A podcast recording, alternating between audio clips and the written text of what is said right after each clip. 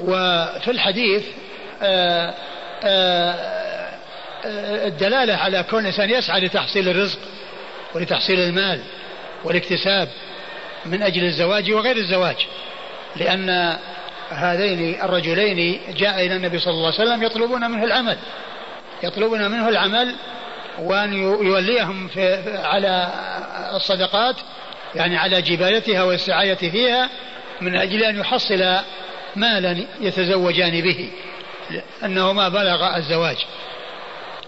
وفي قوله وليس لأبوينا ما يصدقان يصدقاننا دليل على أن الأب عليه أن يزوج ابنه. على الأب يعني أنه يزوج ابنه. وذلك أن أن أنهم أخبر بأنه ليس عندهم شيء يزوجانه وأنه لو كان عندهما شيء لحصل التزويج ولم يكون بحاجة إلى أن يسعي هذا المسعى وأن يطلب هذا المطلب فدل على أن الإنسان يزوج يعني من, من, من بلغ حد الزواج من أولاده يعني إذا تمكن من ذلك لأن لأنه قد ورد أنهم قال ليس عند والدينا ما يصدقان. فدل على أن أنه لو كان عندهما شيء لزوجاهما وأن الوالد يزوج ولده. وهذا من قبيل النفقة. لا يقال إنه من قبيل الهبة ومن قبيل العطية وأنه إذا أعطاه يرصد لكل واحد من الأولاد الصغار والكبار مثل ذلك. هذا من قبيل النفقة وكل شيء في وقته. فإذا بلغ هذا زوجه وإذا جاء الذي بعده حد الزواج زوجه وإذا جاء الذي بعده حد الزواج زوجه وهكذا. ولا آه، يرصد لكل واحد منهم مبلغا من المال يعادل ذلك المال الذي زوج به آه، أخاه الذي قبله. بل آه، آه، أن المهور قد تختلف من وقت إلى وقت. وقد يزوج هذا بمقدار معين ويزوج هذا بمقدار معين وهذا يعتبر من قبيل النفقة وليس من قبيل الهبة والعطية التي يلزم فيها التسوية بين الأولاد بمعنى أنه إذا أعطى هذا يعطي هذا مثله وهذا مثله وهذا مثله حتى يعم الأولاد ويعدل بينهم كما جاء عن النبي صلى الله عليه وسلم في قصة الهبة النعمان بن بشير والنبي صلى الله عليه وسلم قال اتقوا الله واعدلوا بين أولادكم. هذا من قبيل النفقة الذي هو التزويج وكونه يعطيه يعني مبلغا يتزوج به وكونه يزوجه عند عند بلوغه التزويج آه هذا من قبيل النفقة التي آه ينفق على الإنسان ويعطيه في آه يعني ما يناسبه ولا يلزمه أن يعطي كل أولاده مثل ما أعطى ذلك الشخص الذي تزوج هذا الكلام إيش قال؟ قال له ائتيا رسول الله صلى الله عليه وآله وسلم. فقول له يا رسول الله قد بلغنا من السن ما ترى وأحببنا أن نتزوج وأنت يا رسول الله أبر الناس وأوصلهم. وليس يعني أبر الناس وأوصلهم يعني أوصلهم للرحم ويعني ونحن من قرابتك. نعم. وليس عند أبوينا ما يصدقان عنا فاستعملنا يا رسول الله على الصدقات. فلنؤدي إليك ما يؤدي العمال ولنصب ما كان فيها من مرفق. من مرفق يعني من الشيء الذي نرتفق به. يعني مرفق أو مرفق يعني الشيء الذي نرتفق به ونستعين به على مهمتنا وهي الزواج. قال فأتى علي بن أبي طالب رضي الله عنه ونحن على تلك الحال فقال لنا إن رسول الله صلى الله عليه وآله وسلم قال لا والله لا يست... لا والله لا يستعمل منكم أحدا على الصدقة.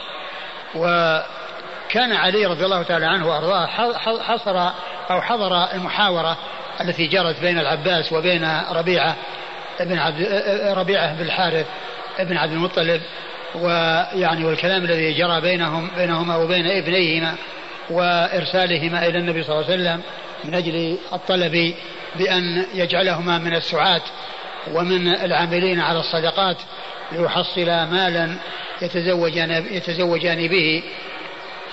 الرسول علي رضي الله عنده علم بأن آل البيت وأن القرابة لا يولون على الصدقة فقال إن النبي لا يفعل ذلك لأنهم من أهل البيت. والرسول صلى الله عليه وسلم يعني جاء عنه ما يدل على أن أهل البيت لا يولون ليس يعني ليس لهم نصيب في الصدقة لا من ناحية صرفها عليهم ولا من ناحية توليتهم عليها وكونهم يستعملون لجبايتها ويأخذون منها لأن العامل على الزكاة يأخذ من الصدقة والصدقة أوساخ الناس وهي لا تصلح لمحمد ولا لآل محمد وإنما عندهم الخمس ويعطون من الخمس الذي هو يعني خمس آه، الغنيمة ويعطون من الفيء وأما الصدقات فإنهم لا يعطون منها. وأما الصدقات فإنهم لا يعطون منها. لا من أجل قضاء حوائجهم ومن أجل فقرهم ولا من أجل آه، ولا في سعايتهم لأن الله تعالى قال إنما الصدقات للفقراء والمساكين والعاملين عليها.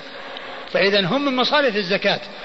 والزكاة لما كانت أوساخ الناس الله عز وجل آه، الرسول صلى الله عليه وسلم جعل آل بيته لا يكون لهم نصيب فيها وأنها لا تحل لهم الصدقة. لا تحل لهم الصدقة. فعلي رضي الله عنه لعلمه أو لما علمه قال لهم إنه لا لا لا يحقق لهم ما ما ما تريدون لأنهم من أهل البيت. ف ماذا قالوا؟ فقال له ربيعة هذا من أمرك. قد نلت صهر رسول الله صلى الله عليه وآله وسلم فلم نحسدك عليه. يعني قال هذا من أمرك يعني هذا شيء يعني منك وان وان أنت ظفرت بشيء لم يظفر به غيرك ونحن لم نحسدك يعني عليه. ف نعم. فألقى علي رداءه ثم اضطجع عليه فقال أنا أبو حسن القرم والله ثم, ثم وضع علي رداءه واضطجع عليه. وقال أنا أبو حسن القرم. أبو حسن القرم يعني هذا الكلام الذي قلته لكم يعني قلته عن علم. وأنا سأنتظر إيش الجواب الذي يأتيان به من رسول الله صلى الله عليه وسلم. وهو يعني يعلم أن الجواب هو مثل ما كان يعلمه لأنهم من أهل البيت وأهل البيت لا تحل لهم الصدقة. فقال أنا أبو حسن القرم والمراد بالقرم يعني ال ال الأصل في القرم أنه الفعل من الحيوان ويراد به من يكون سيدا ومن يكون له يعني رأي ويكون له معرفة. فقال هذا الذي قلته لكم آه، أنا أنتظر الجواب الذي يأتي به ولداكما من عند رسول الله صلى الله عليه وسلم وكانت النتيجة أن كان الجواب مثل الجواب الذي قال لهم. النتيجة أن الجواب مثل الجواب الذي قال لهم في أول الأمر. والله لا أريم حتى يرجع إليكم ابناكما بجواب ما بعثتما به إلى النبي صلى الله عليه وآله وسلم يعني لا أريم لا أبرح أنتظر النتيجة التي يأتي بها ابناكما في جواب ما بعثتما به إلى رسول الله صلى الله عليه وسلم نعم. قال عبد المطلب فانطلقت أنا والفضل إلى باب حجرة النبي صلى الله عليه وآله وسلم حتى نوافق صلاة الظهر قد قامت فصلينا مع الناس. ثم أسرعت أنا والفضل إلى باب حجرة النبي صلى الله عليه وآله وسلم وهو يومئذ عند زينب بنت جحش فقمنا بالباب حتى أتى رسول الله صلى الله عليه وآله وسلم فأخذ بأذني وأذن الفضل ثم قال أخرجا ما تصرران آه قام عند باب رسول الله صلى الله عليه وسلم وعند باب حجرة زينب لأنه كان عندها. والرسول صلى الله عليه وسلم لما جاء وجدهما عند الباب عرف أن عندهما حاجة وأن في آه يعني في أذهانهما شيء يعني يريدان أن يبدياه. فالرسول صلى الله عليه وسلم جعل يداعبهما وأخذ بأذنيهما وقال أخرجا ما تصرران يعني الذي تكتمانه والذي في يعني في أذهانكما أخرجاه لأن آه لأن لهما غرض ولهما حاجة وفي ذهنهم شيء. وما جاء وقف هذا الموقف وانتظر الرسول عليه الصلاة والسلام إلا أنهم يريدون أن يتحدثوا بشيء أو أن يرجعوا إليه في شيء صلى الله عليه وسلم. أخبر ما تصرران. تصرران يعني ما تكتمان وما في أذهانكما وقيل تصرران لأن الشيء الذي آه، آه، يحفظ يعني يصر ويصر عليه مثل ما يعني يصر الوعاء ويعمل له آه، وكاء يعني يصر به يحفظ ما فيه فيكون يعني فيه الذي فيه يكون مكتوم ومحفوظ. فكذلك الذي في أذهانهما يعني مكتوم ومحفوظ والنبي صلى الله عليه وسلم أراد أن يظهر ذلك الشيء الذي يصررانه وهذا من كمال خلقه صلى الله عليه وسلم ومعاملته الطيبة لأصحابه ويعني آه، المداعبة يعني حيث أخذ بأذنيهما وقال أخرج ما تصرران. ثم دخل فأذن لي وللفضل فدخلنا فتواكلنا الكلام قليلا. ثم دخل فأذن لي وللفضل فدخلنا وتواكلنا الكلام قليلا. كل واحد ينتظر أن الثاني يبدأ. كل واحد يكل الكلام للآخر. وهذا من من الأدب ومن المعاملة الطيبة. يعني يكون كل واحد يقدر الآخر ويريد أن الآخر يعني هو الذي يقوم بهذه المهمة. نعم. ثم كلمته أو كلمه الفضل قد شك في ذلك عبد الله. قال كلمه بالأمر الذي أمرنا به أبوانا. فسكت رسول الله صلى الله عليه وآله وسلم ساعة ورفع بصره قبل سقف البيت حتى طال علينا أنه لا يرجع إلينا شيئا. حتى رأينا زينب تلمع من وراء الحجاب بيدها. تريد لما كلموا رسول الله صلى الله عليه وسلم سكت ولم يعطهم جوابا ورفع رأسه إلى سقف البيت ومكث مدة فظنوا أنه ما يعني ما هناك يعني شيء. يعني آه، آه، حول ما يريدون. وكانت زينب رضي الله عنها من وراء الحجاب تلمع بيديها يعني تريدهم أن يتمهلوا وألا يستعجلوا وأن النبي صلى الله عليه وسلم هو آه، ينظر في شأنهما فينتظر ويتمهل ولا يستعجل. نعم.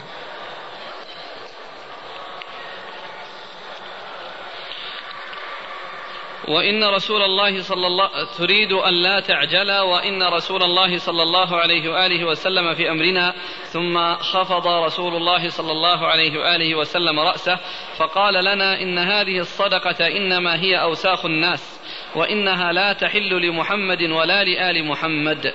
ثم قال إن هذه الصدقة أوساخ الناس وأنها لا تحل لمحمد ولا لمحمد وهؤلاء من آل محمد. هؤلاء من آل محمد وهذا يدلنا على أن آل البيت يعني ليسوا مقصورين في العلويين وبعض أولاد علي وإنما هي في يعني في جميع أولاد عبد المطلب. كل مسلم ومسلمة من أولاد عبد المطلب فهم من أهل البيت. فيدخل في ذلك أعمامه المسلمون الذي هم العباس وحمزة ويدخل في ذلك عمته صفية ويدخل في ذلك أولاد أعمامه. الذين منهم الفضل بن العباس هذا الذي يريد أن يتزوج وأولاد أولاد أعمامه الذي منهم عبد المطلب ابن ربيعة ابن الحارث بن عبد المطلب. فهذا يدل على أن آل البيت يشمل أو أن أنه يشمل آه، جميع أولاد عبد المطلب وأن هؤلاء من آل البيت. وليس آل البيت مقصورا على بعض العلويين بل أهل السنة والجماعة يعتبرون أن كل بني هاشم أو كل مسلم من بني هاشم فهو من آل بيت الرسول صلى الله عليه وسلم. سواء كان من جهة سواء كان من آل علي أو من آل عقيل أو, لا أو من آل جعفر الذين هم أولاد أبي طالب أو من آل العباس أو من آل الحارث بن عبد المطلب أو من آه، أي واحد من آه، من نسل أعمامه صلى الله عليه وسلم. نعم. إنما هي أوساخ الناس. إنما هي أوساخ الناس يعني هي تطهر الناس. لهذا قال الله عز وجل أموالهم صدقة تطهرهم وتزكيهم بها. وتطهرهم وتزكيهم بها. يعني وهي لا تليق ب يعني هؤلاء لا تليق بمحمد صلى الله عليه وسلم ولا بآل محمد. ثم أيضا آه، محمد صلى الله عليه وسلم وآل محمد عندهم يعني شيء يأخذون منه وهو آه، الخمس والفيء. وإنها لا تحل لمحمد ولا لآل محمد. ادعوا لي نوفل بن الحارث. فدعي له نوفل بن الحارث فقال يا نوفل أنكح عبد المطلب فأنكحني نوفل.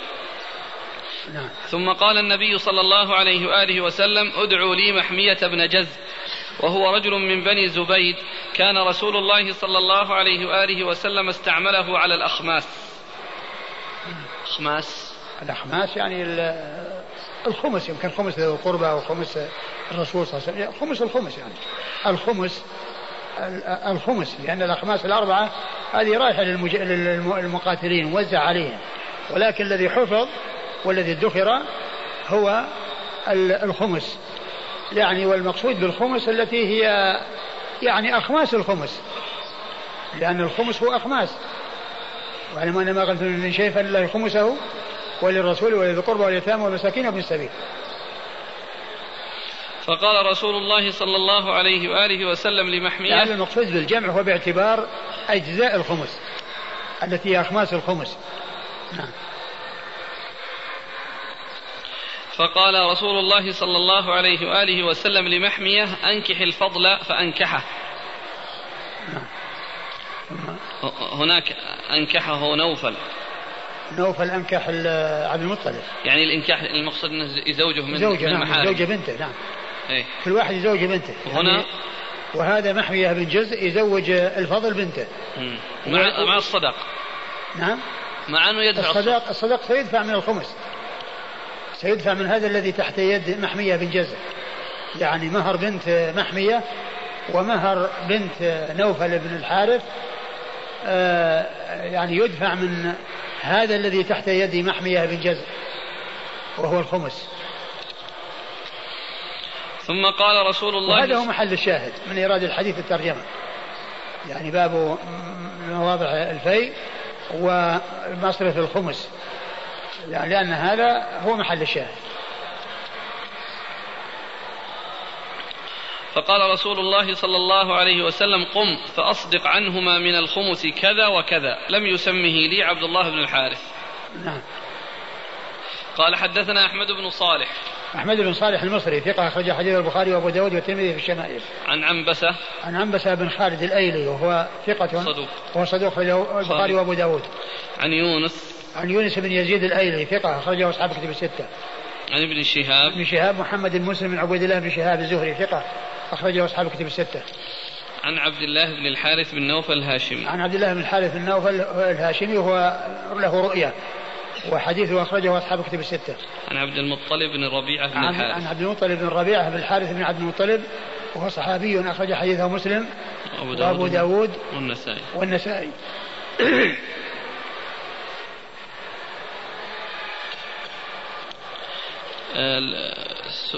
الأخوة استشكلوا قسم علي رضي الله عنه. والله لا أريم. والصلاة قد أقيمت. ها؟ إيش؟ والله لا أريم. أقسم. أيوة. والصلاة قد أقيمت. لا ما أقيمت.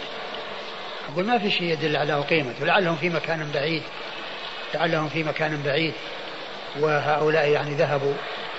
يعني وكان يعني في وقت يعني يعني واسع. يعني لا يلزم أن يكونوا قريبين. يعني يمكن أن يكون يعني في مكان بعيد وأنهم راحوا وهو جلس. إيه بس ما رجعوا إلا بعد الصلاة. نعم. لم يرجع بالجواب. على, كل على كلهم إذا جاءوا الصلاه فيصلون. يعني آه، كلهم سيصلون. ولكن ما يدل على أنهم حول المسجد وأنهم قريب المسجد. أقول ما في شيء يدل على أنهم قريب المسجد. وأنه جالس يعني آه يعني يتحرك. يمكن إذا كان في وقت يعني في وقت وكان يعني قبل الظهر مسافه وأنه يتوقع أنهم يعني يذهبون ويأتون وهؤلاء يعني أرادوا أنهم ينتظروا الصلاة وأن آه، آه، يأتوا إليه بعد الصلاة أو يسبقوه إلى الباب قبل الصلاة آه، يعني بعد الصلاة. ما يلزم أن يكون أنه يكون يعني عند المسجد وأنه جالس وإنما يعني يمكن يكونوا في مكان بعيد وأنه يعني كان يتوقع أنهم يعني يذهبوا ويأتوا مبكرين وهم ذهبوا وأرادوا أن يعني يدركوا وقت الصلاة وأن يقفوا في انتظار رسول الله صلى الله عليه وسلم قبل أن يدخل إلى البيت بدل أن يطرقوا عليه الباب يسبقوه إلى الباب.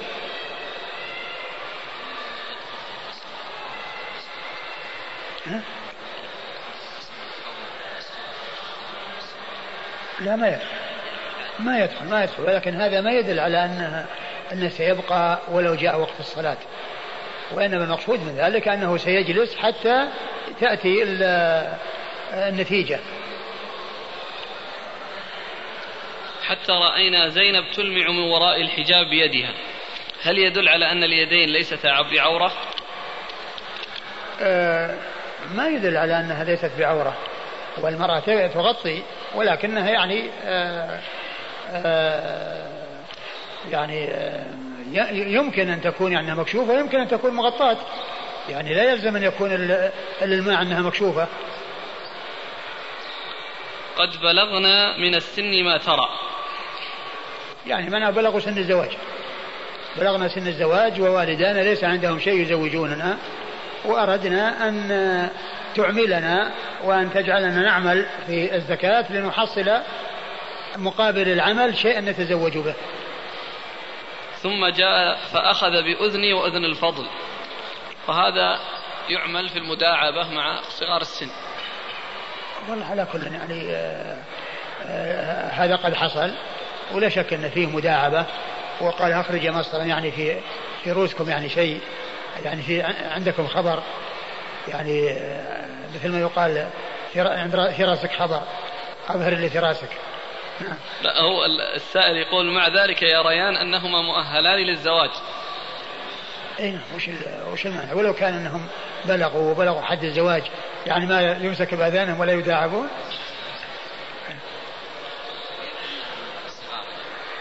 نعم. على كل يعني هم أقول على كل هم أقول هم بالغون. قول 20 تمسك أذنه؟ إيه؟ نعم. فقه مسألة وليس عند أبوينا ما يصدقان عنا. نعم. تزويج الأب لأبنائه إذا كان الأب موسر. على الوجوب والاستحباب؟ نقول يجب عليه. ظاهر على الوجوب. إذا كانوا هم يقدرون يجب عليه. ويتفرع عنها مسألة. وهي؟ آه، زوجه بواحدة فاحتاج إلى الثانية. لا الزواج أقول التعديد وكونه ينهر لهم الذي يبدو أنه ليس بلازم وإنما المهم أن يعفهم وأن يحصل لهم الإعفاف.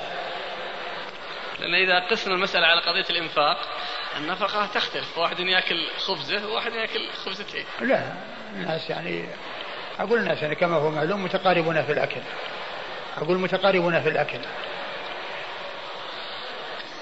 ومعلوم أن هذا من قبيل النفقة لا من قبيل العطية لأنه لو كان من قبيل العطية لازم التسوية بين الصغير والكبير. يعني يرصد لهم مبالغ. يعني يسوي بين الكبير والصغير الذي بلغ والذي ما بلغ والذي متزوج والذي ما تزوج.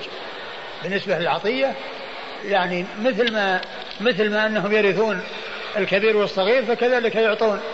عند عند الإعطاء والهبات يعطى الغني والفقير والصغير والكبير. وأما النفقة طبعا تختلف. يعطى يعني صاحب النفقة.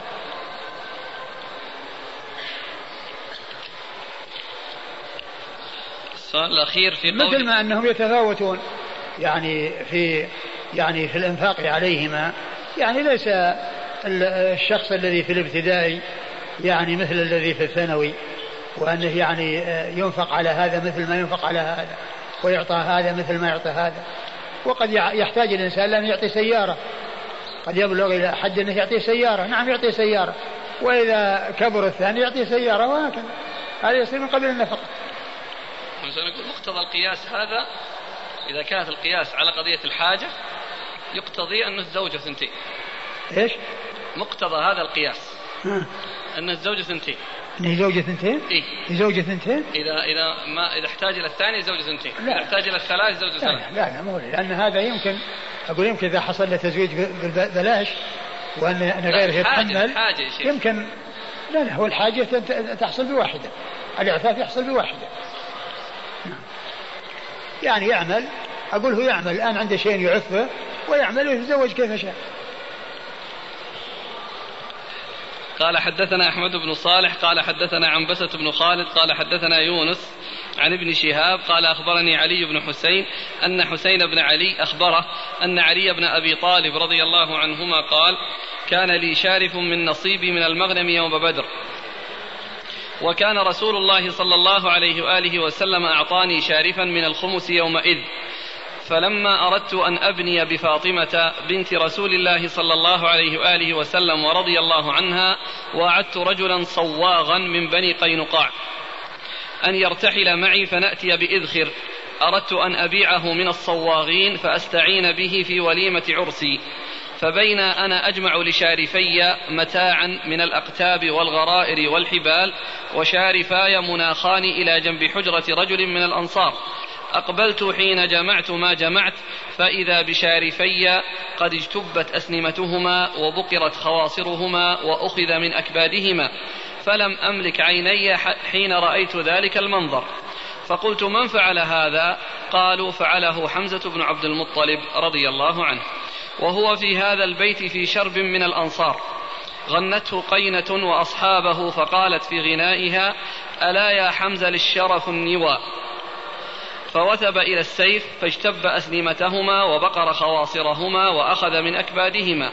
قال علي فانطلقت حتى أدخل على رسول الله صلى الله عليه وآله وسلم وعنده زيد بن حارثة رضي الله عنه قال فعرف رسول الله صلى الله عليه وآله وسلم الذي لقيت.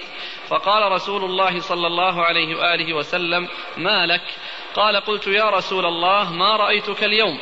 عدا حمزة على, ناق على ناقتي فاجتب أسلمتهما وبقر خواصرهما وها هو ذا في بيت في بيت معه شرب. فدعا رسول الله صلى الله عليه وآله وسلم بردائه فارتداه. ثم انطلق يمشي واتبعته أنا وزيد بن حارثة حتى جاء البيت الذي فيه حمزة.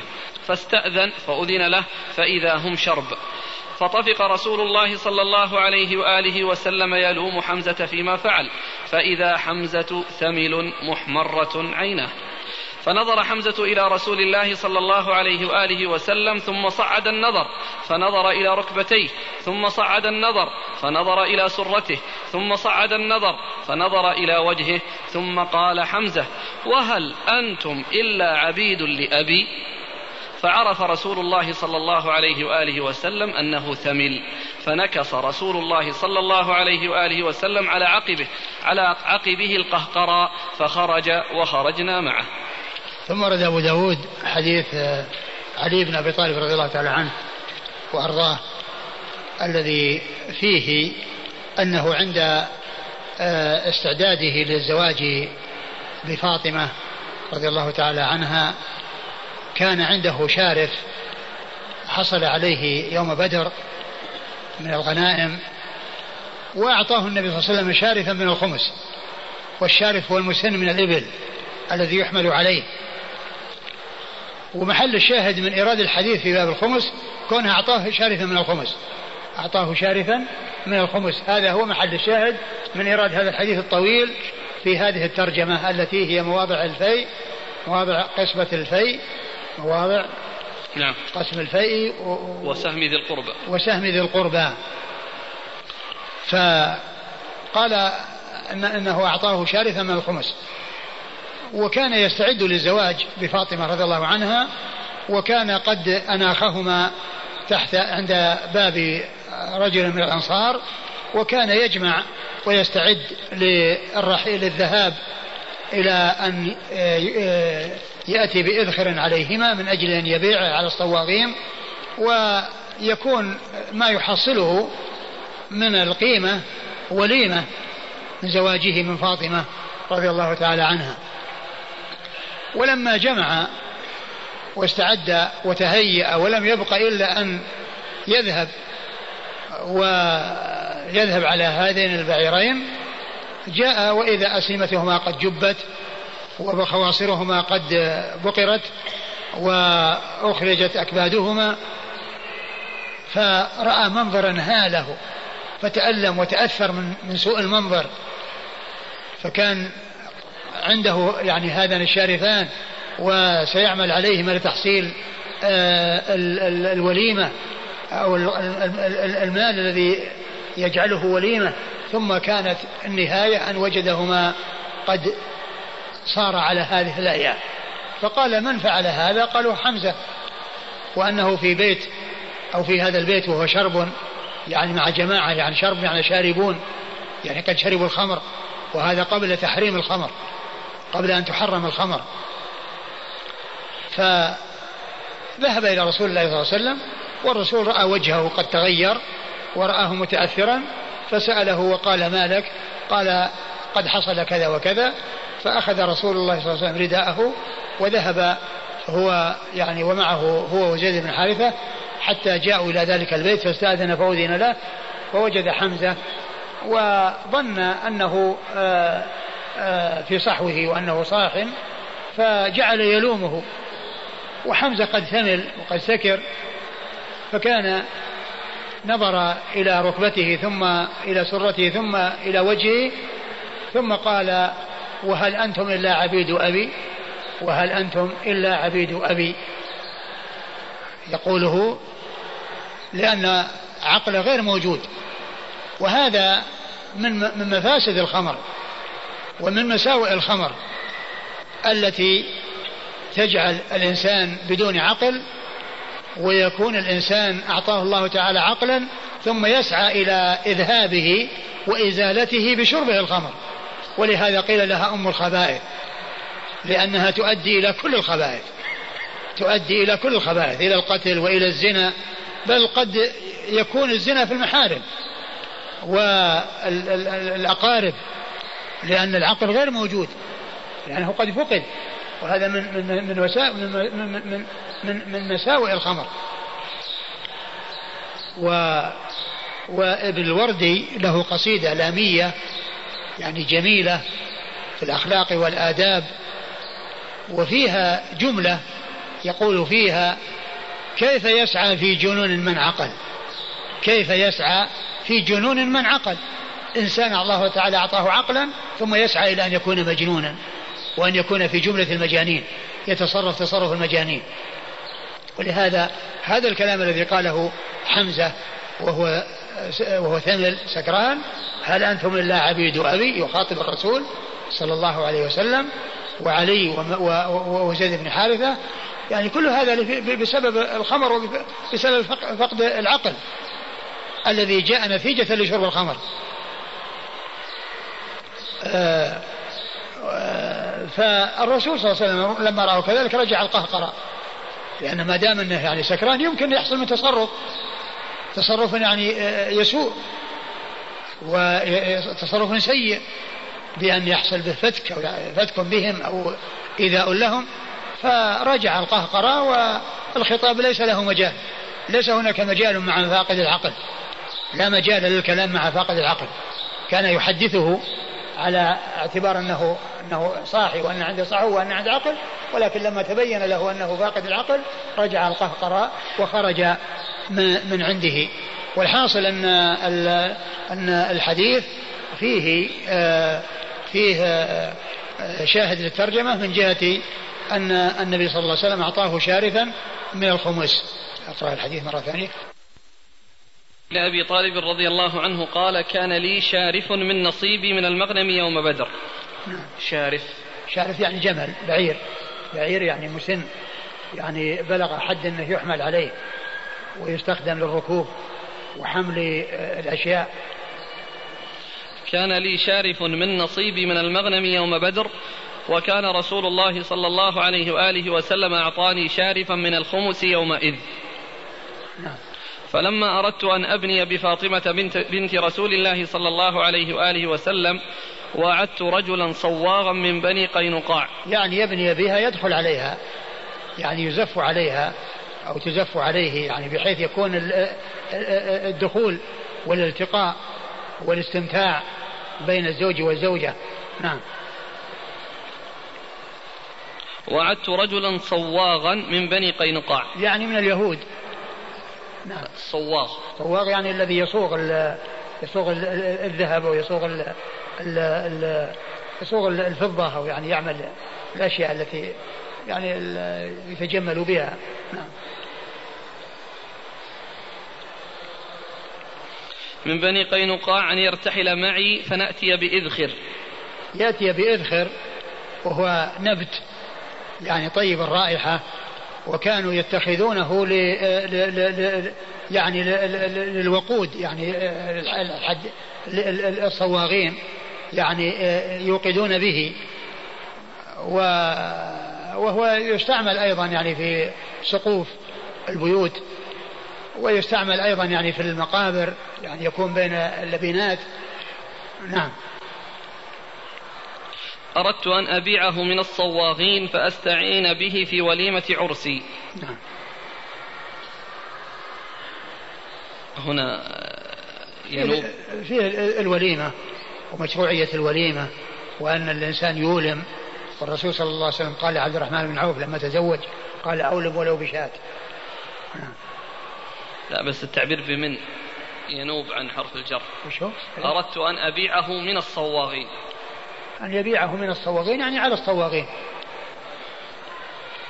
فبينما فبين أنا أجمع لشارفي متاعا من الأقتاب والغرائر والحبال. الأقتاب يعني هو ما يوضع على ظهر البعير يعني بحيث يعني يكون عليه الحمل أو يربط به الحمل أو يكون عليه الراكب.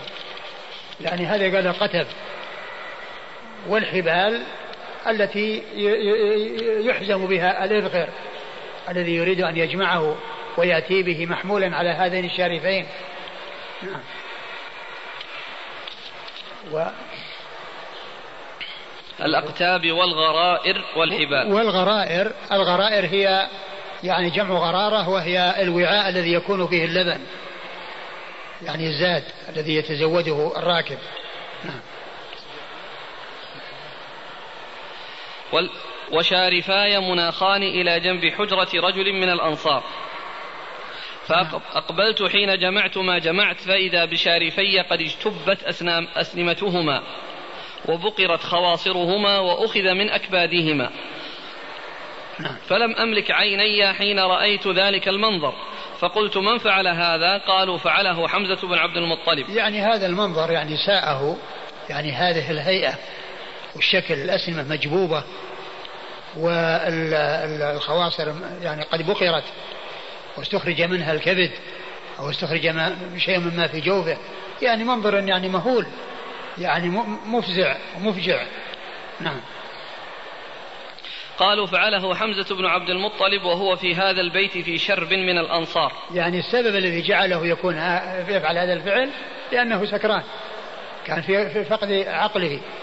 وكان أيضا لذلك سبب وهي القينة التي كانت تغنيهم وهي التي ذكرت يعني هذه الشرف وحرضت عليها في غنائها فبادر إلى آه، يعني نحرها وإلى بقر آه، بطونها وإلى جب أسنمتها. فقال وفيهم قينة؟ نعم غنته قينة وأصحابه فقالت في غنائها ألا يا حمزة للشرف النو الشرف النوائي. النوائي الشرف النواء الشرف النواء النواء يعني يا حمز يا حمزة يا حمزة أي يا حمزة أو يا حمز لهذا الترخيم. آه للشرف أي أي يعني هذا يعني هذه الإبل النواء السمينة النواء السمينة. ويعني آه، والبيت الذي بعد بقية البيت وهن معقلات في الفناء. يعني معناه تحثه على أنه يأتي بشيء يأكلونه. يعني من هذه الشرف. فبادر وفعل هذا الفعل ب يعني في حال سكره. وكان ذلك قبل أن تحرم الخمر. نعم. إذا الغنى له أثر مثل الخمر. نعم. الغنى قد نعم نعم نعم نعم يؤثر. أقول يؤثر ولكنه يؤثر على على السكران يمكن أكثر. ووثب إلى السيف فاجتب أسنمتهما وبقر خواصرهما وأخذ من أكبادهما. قال علي فانطلقت حتى أدخل على رسول الله صلى الله عليه وآله وسلم وعنده زيد بن حارثة. قال فعرف رسول الله صلى الله عليه وآله وسلم الذي لقيت. فقال رسول الله صلى الله عليه وآله وسلم ما لك؟ قال قلت يا رسول الله ما رأيتك اليوم؟ عدا حمزة على ناقتي فاجتب أسنمتهما وبقر خواصرهما وها هو ذا في بيت معه شرب. فدعا رسول الله صلى الله عليه وآله وسلم بردائه فارتداه. ثم انطلق يمشي واتبعته أنا وزيد بن حارثة حتى جاء البيت الذي فيه حمزة فاستأذن فأذن له فإذا هم شرب. فطفق رسول الله صلى الله عليه وآله وسلم يلوم حمزة فيما فعل. فإذا حمزة ثمل محمرة عيناه. فنظر حمزة إلى رسول الله صلى الله عليه وآله وسلم ثم صعد النظر فنظر إلى ركبتيه ثم صعد النظر فنظر إلى سرته ثم صعد النظر فنظر إلى وجهه. ثم قال حمزة وهل أنتم إلا عبيد لأبي؟ فعرف رسول الله صلى الله عليه وآله وسلم أنه ثمل فنكص رسول الله صلى الله عليه وآله وسلم على عقبه القهقرى فخرج وخرجنا معه. نعم. قال حدثنا أحمد بن صالح عن عنبسة بن عن عنبسة بن خالد عن يونس عن ابن شهاب عن علي بن حسين. عن علي بن حسين هو يعني زين العابدين. علي بن حسين بن علي بن أبي طالب. وهو ثقة أخرجه أصحاب كتب الستة. عن أبيه الحسين الحسين بن علي رضي الله تعالى عنه. وحديثه أخرجه أصحاب كتب الستة. عن علي. عن علي عن علي بن أبي طالب رضي الله تعالى عنه وأرضاه.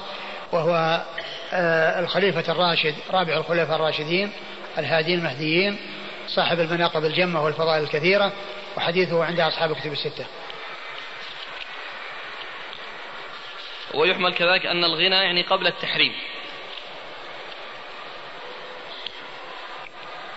نعم يحمل. أقول يحمل هذا كذلك. وأخونا يقول هل السكران لا يضمن ما يفعله؟ إلا يضمن يعني حتى البهائم إذا إذا تركت وأتلفت شيء فإنه يضمن والمجنون إذا ترك يعني وأتلف شيئا فإنه يضمن والصغير إذا أتلف شيئا فإنه يضمن يعني إذا القصة فيها شيء يدل على تضمين حمزة. ما ما يعني ما ما في شيء يدل أقول ما ما في شيء يدل على هذا لكن هذا هو الأصل. ويمكن أو يمكن التسامح أيضا والمسامحة ولازم. مو لازم إن الضمان يعني يحصل يعني ما أكثر يعني ما يحصل يعني اللزوم ولكن تحصل المسامحة. قال حدثنا أحمد بن صالح قال حدثنا عبد الله بن وهب قال حدثني عياش بن عقبة الحضرمي عن الفضل بن الحسن الضمري أن أم الحكم أو ضباعة. ابنتي الزبير بن عبد المطلب رضي الله عنهم حدثته عن إحداهما أنها قالت أصاب رسول الله صلى الله عليه وآله وسلم سبيا فذهبت أنا وأختي وفاطمة بنت, بنت رسول الله صلى الله عليه وآله وسلم فشكونا إليه ما نحن فيه وسألناه أن يأمر لنا بشيء من السبي. فقال رسول الله صلى الله عليه وآله وسلم سبقكن يتامى بدر. لكن سأدلكن على ما هو خير لكن من ذلك. تكبرن الله على إثر كل صلاة ثلاثا وثلاثين تكبيرة وثلاثا وثلاثين تسبيحة وثلاثا وثلاثين تحميدة ولا إله إلا الله وحده لا شريك له. له الملك وله الحمد وهو على كل شيء قدير. قال عياش وهما ابنتا عم النبي صلى الله عليه وآله وسلم. ثم أورد أبو داود رحمه الله حديث آه، آه، ضباعة أو آه، أم الحكم ابنة عبد ابنة الزبير بن عبد المطلب وهما ابنة عم النبي صلى الله عليه وسلم. ابنة عم النبي صلى الله عليه وسلم الزبير بن عبد المطلب. أن الرسول صلى الله عليه وسلم جاءه سبي وذهبت هاتان المرأتان وهما بنت عم رسول الله صلى الله عليه وسلم وابنته فاطمة رضي الله تعالى عن الجميع يطلب منه أن آه، يعطيهما يعني من يخدمهما. فالرسول صلى الله عليه وسلم قال سبقكما يتامى بدر. يتامى نعم. بدر. يعني اليتامى يعني يعني هم أولى منكم. يعني والرسول صلى الله عليه وسلم أرشدهما إلى دعاء وإلى ذكر يعني يحصل منهما ويكون ذلك فيه عون لهما بإذن الله. فالرسول صلى الله عليه وسلم لم يحقق لهم لهن ما يردن من آه، إعطائهن الخدم.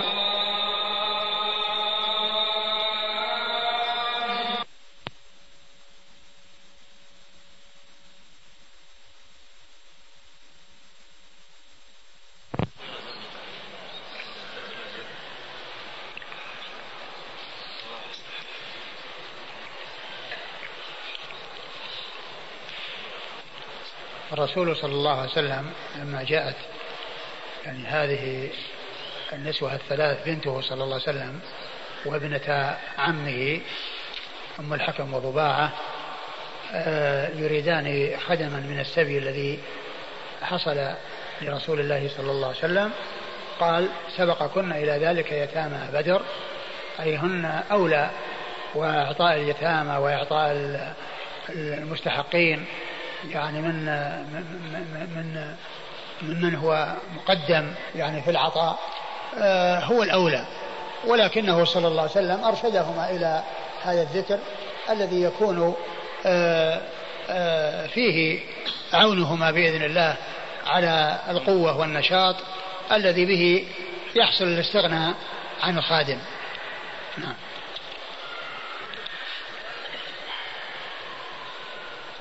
قال حدثنا أحمد بن صالح عن عبد الله بن وهب أحمد بن صالح مر ذكره عبد الله بن وهب المصري ثقة أخرج له أصحاب كتب الستة. عن عياش بن عقبة الحضرمي. عن عياش بن عقبة الحضرمي وهو صدوق خرج أبو داود النسائي. صدوق خرج أبو داود والنسائي. عن الفضل بن حسن الضمري. عن الفضل بن حسن الضمري وهو صدوق أخرج له أبو داود.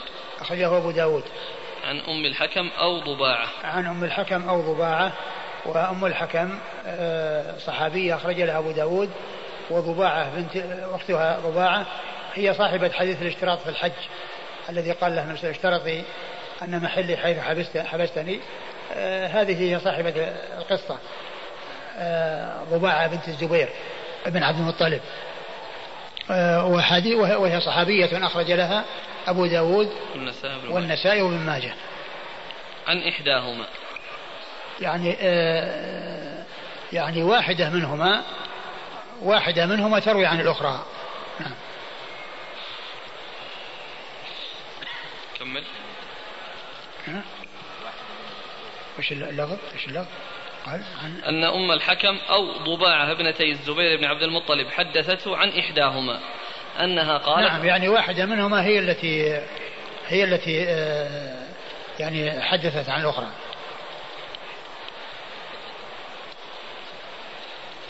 نعم نستمر ولا الأسئلة؟ آه وش الحديث اللي بعده؟ حديث فاطمة. اللي هو علي قال ذهبي إلى أبيك وسليه بعض السبي.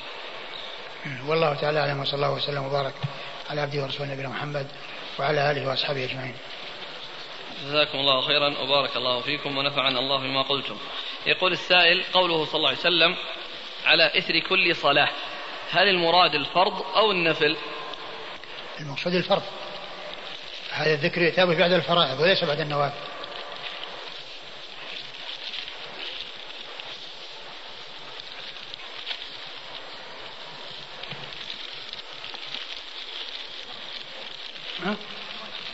الحديث هذا ثابت. أو الحديث ثابت. الحديث حسن.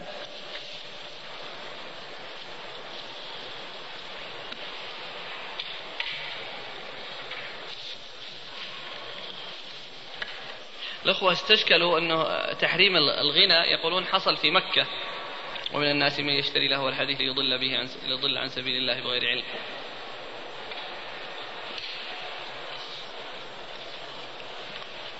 ما ما أدري لكن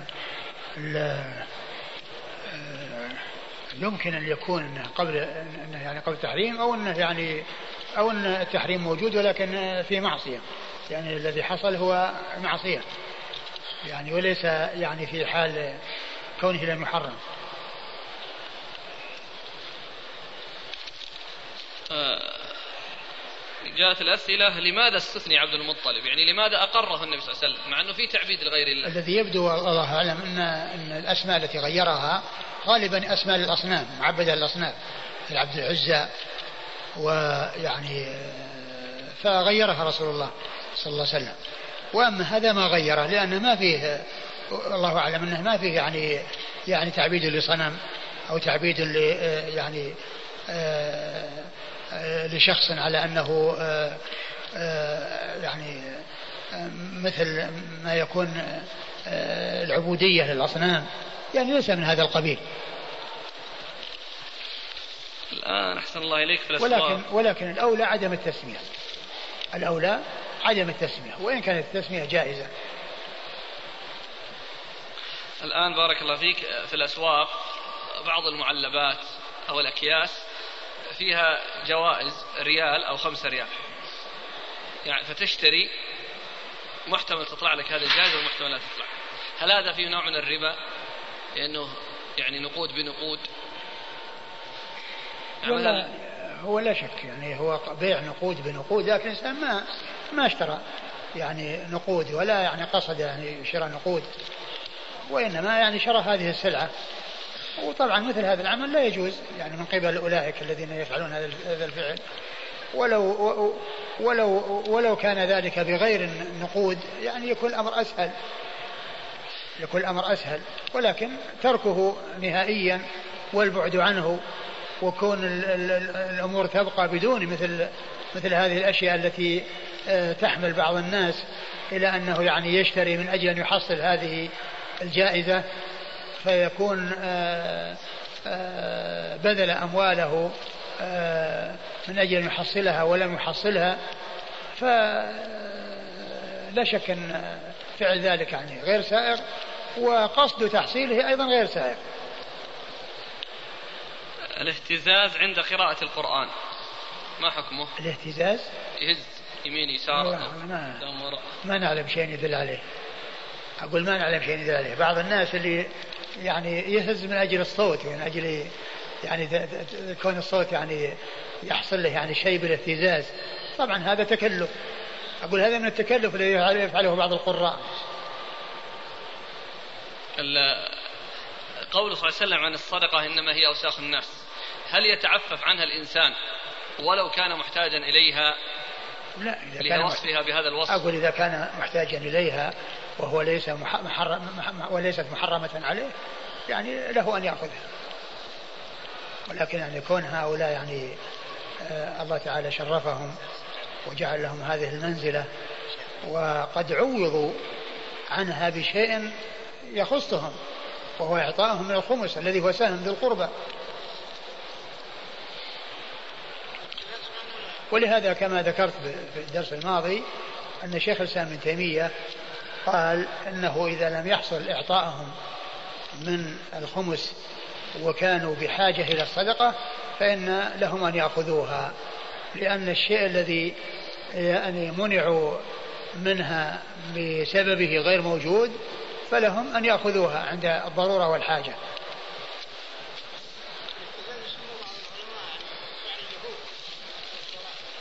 والله ما ما أعرف. أقول ما أعرف يعني هذا الشيء ولكن آه، غالبا أن, أن الذين يهتزون من أجل أن الصوت يعني يصير له يعني شيء بالحركة هو. طبعا هذا من التكلف.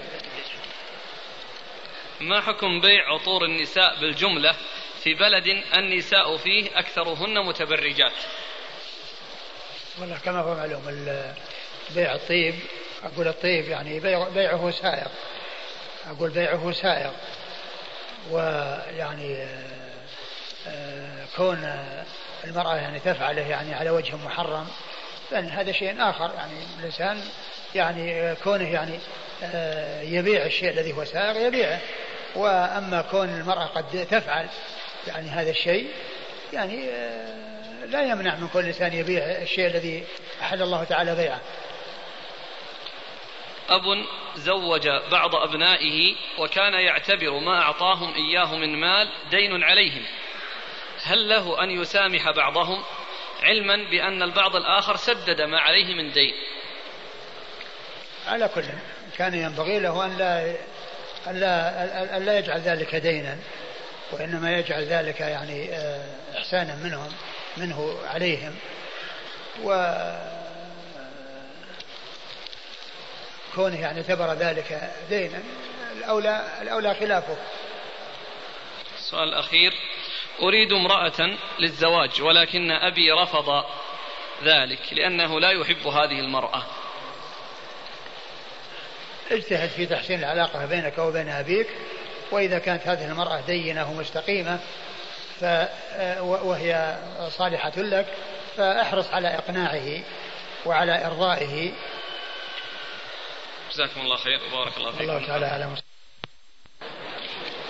بسم الله الرحمن الرحيم. الحمد لله رب العالمين. الصلاة والسلام على عبد الله ورسوله نبينا محمد وعلى آله وصحبه أجمعين. أما بعد قال الإمام أبو داود السجستاني رحمه الله تعالى في باب بيان مواضع قسم الخمس وسهم ذي القربى.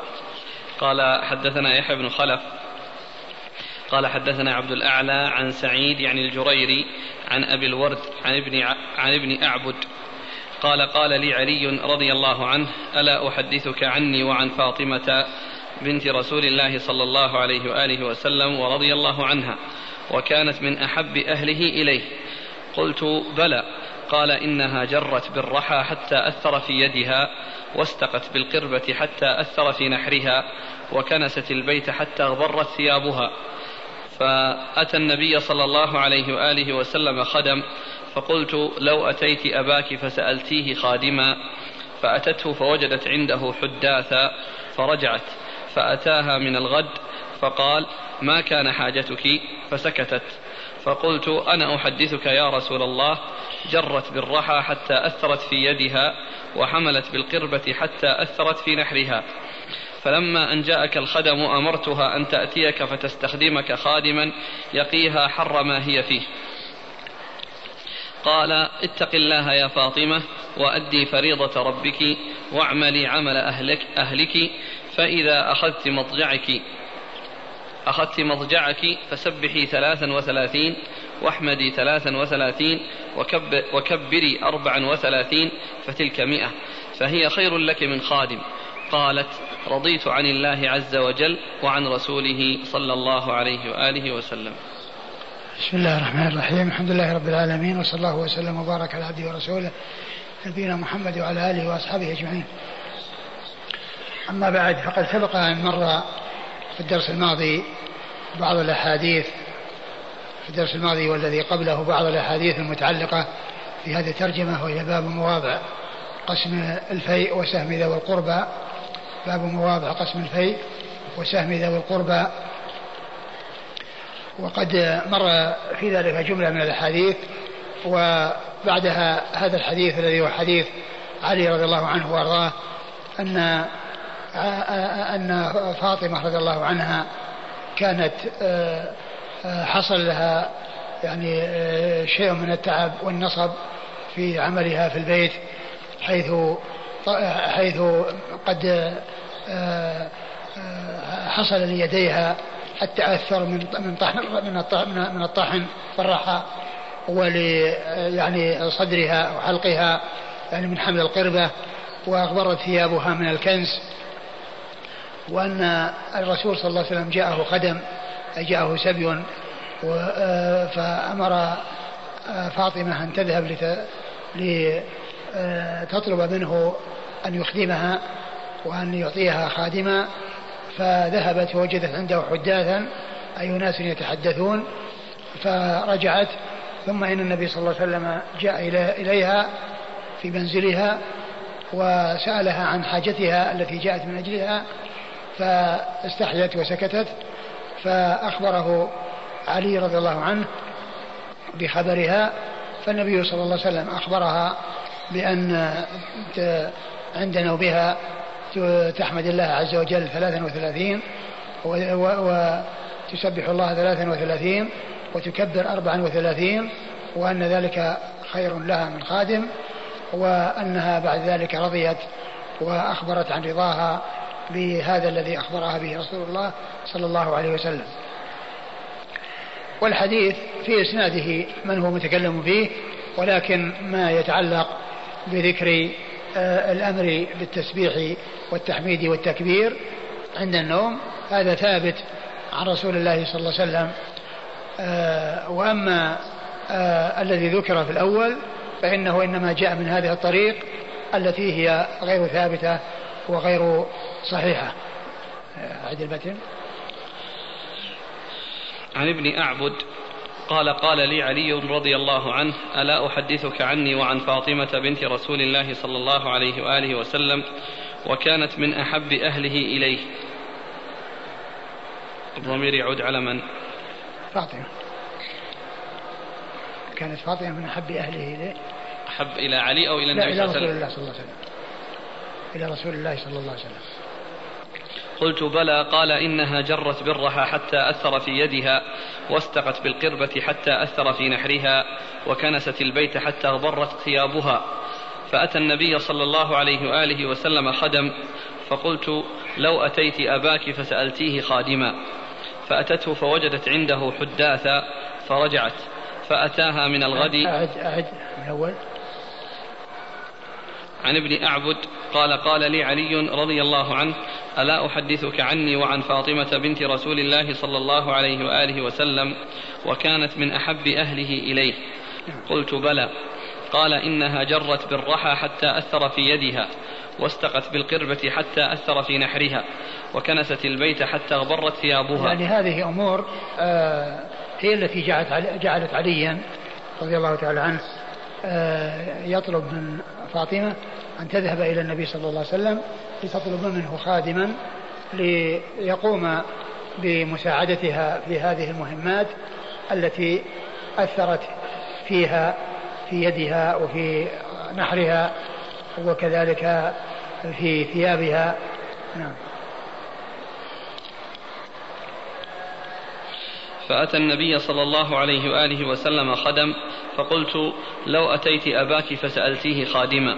فأتته فوجدت عنده حداثا فرجعت فأتاها من الغد فقال ما كان حاجتك؟ فسكتت. فقلت أنا أحدثك يا رسول الله. جرت برها حتى أثرت في يدها وحملت بالقربة حتى أثرت في نحرها فلما أن جاءك الخدم أمرتها أن تأتيك فتستخدمك خادما يقيها حر, حر ما هي فيه. قال اتق الله يا فاطمة وأدي فريضة ربك واعملي عمل أهلك فإذا أخذت مضجعك مضجعك فسبحي ثلاثا وثلاثين واحمدي ثلاثا وثلاثين وكبري أربعا وثلاثين فتلك مئة. فهي خير لك من خادم. هذا ثابت. يعني قضية التكبير والتحميد والتسبيح ثابت عن رسول الله صلى الله عليه وسلم يعني في الصحيحين أو في أحدهما. وأما يعني ما تقدم فإنه جاء يعني من هذه الطريق التي فيها ضعف. نعم. قالت رضيت عن الله عز وجل وعن رسوله صلى الله عليه وآله وسلم. نعم. قال حدثنا يحيى بن خلف. يحيى بن خلف. صدوق خرجه مسلم وأبو داود والترمذي وابن ماجه. صدوق خرجه مسلم وأبو داود والترمذي وابن ماجه. عن عبد الأعلى. عن عبد الأعلى بن عبد الأعلى ثقة أخرجه أصحاب كتب الستة. عن سعيد يعني الجريري. سعيد الجريري ثقة أخرجه أصحاب كتب الستة. عن أبي الورد عن أبي الورد وهو مقبول. مقبول. نعم أخرج, أخرج له. أخرج له المفرد وأبو داود والترمذي والنسائي في مسند البخاري لا البخاري في المفرد و أبو داود والترمذي. البخاري المفرد وأبو داود والترمذي والترمذي والنسائي في مسند علي والنسائي في مسند علي عن ابن أعبد. عن ابن أعبد وهو علي بن أعبد وهو مجهول. نعم أخرج له أبو, أبو داود. والنسائي في مسند علي. أبو داود والنسائي في مسند علي. عن علي رضي الله عنه. عن علي أمير المؤمنين ورابع الخلفاء الراشدين الهاديين المهديين صاحب المناقب الجمة والفضائل الكثيرة رضي الله عنه وأرضاه وحديثه عند أصحاب الكتب الستة.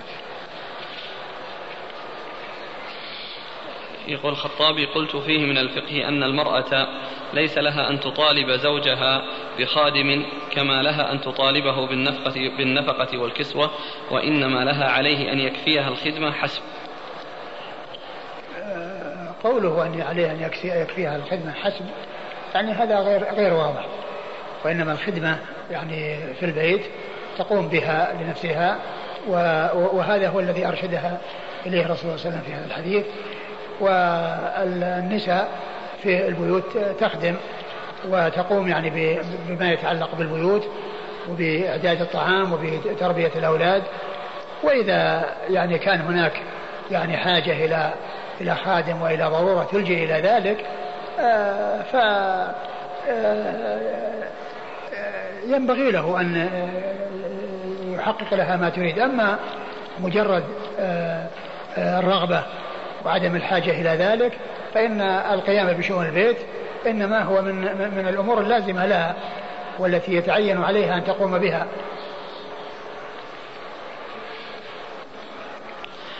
قال حدثنا أحمد بن محمد المروزي قال هذا الكلام الذي الذي ذكره الخطابي يعني إذا كان ما يلزم يأتي إلى خادم يقوم بال يعني يقوم بذلك حسب يعني من يقوم به هو؟ يعني إذا كان ما يلزم خادم فمن يقوم بذلك؟ إما هو وإما هي. نعم.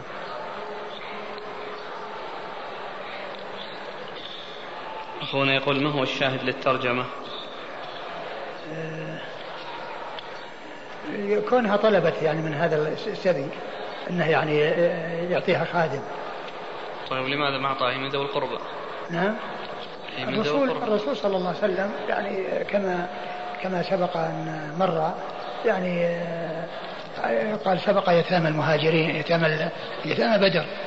يعني كما جاء في حديث ضباعة آه، أو أم أم الحكم ومعهما فاطمة أنه قال سبق إلى ذلك. يعني معناه أنه يقدم يعني من يكون أشد حاجة و آه، لابنته أرشدها إلى شيء يحقق لها ما تريد.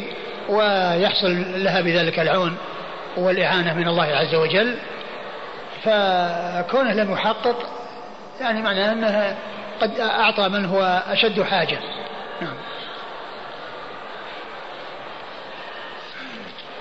ما ذكر أن ربما يعني طلبت من الحق أكثر مما لها من الفيء. ويمكن ويمكن أيضا أن يكون كذلك. يعني يكون الخادم يعني يصير آه، أنه يعني آه، آه، يكون أكثر مما تستحقه. ولكن الحديث الذي سبق قبل هذا قال سبق سبق إلى ذلك يتامى البدر. قال حدثنا أحمد بن محمد المروزي قال حدثنا عبد الرزاق قال أخبرنا معمر عن الزهري عن علي بن حسين بهذه القصة. قال ولم يخدمها. ثم ورد طريقا آخر وقال بهذه القصة قال ولم يخدمها يعني ما حقق رغبتها. وهذا صحيح ما ما أعطاها ولكنه آه، يعني آه، علمها يعني شيء يكون فيه قوة لها وأن ذلك خير لها من خادم. والحديث آه، في إسناده يعني رجاله ثقات. ولكنها فيه انقطاع يعني بين علي بن حسين وعلي لأن روايته عنه مرسلة.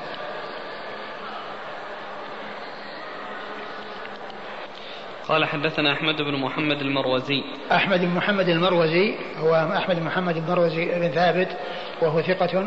أخرجه أبو داود. أخرجه أبو داود. عن عبد الرزاق. عبد الرزاق بن همام الصنعاني اليماني ثقة أخرجه أصحاب كتب الستة. عن معمر. عن معمر بن راشد الأزدي البصري ثم اليماني ثقة أخرجه أصحاب كتب الستة. عن الزهري. عن الزهري محمد بن مسلم بن عبد الله بن شهاب الزهري ثقة أخرجه أصحاب كتب الستة. عن علي بن عن علي بن حسين بن علي بن أبي طالب وهو ثقة أخرجه أصحاب كتب الستة.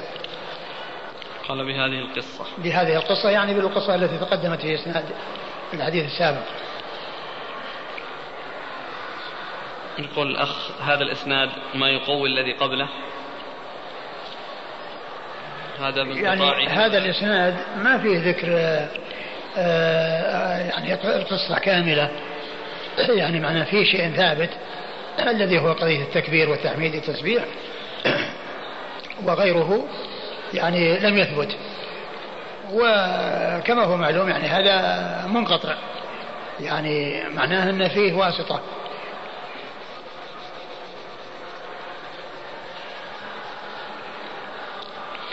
قال حدثنا محمد بن عيسى قال حدثنا عنبسة بن عبد الواحد القرشي قال أبو جعفر يعني بن عيسى كنا نقول إنه من الأبدال قبل أن نسمع أن الأبدال من الموالي.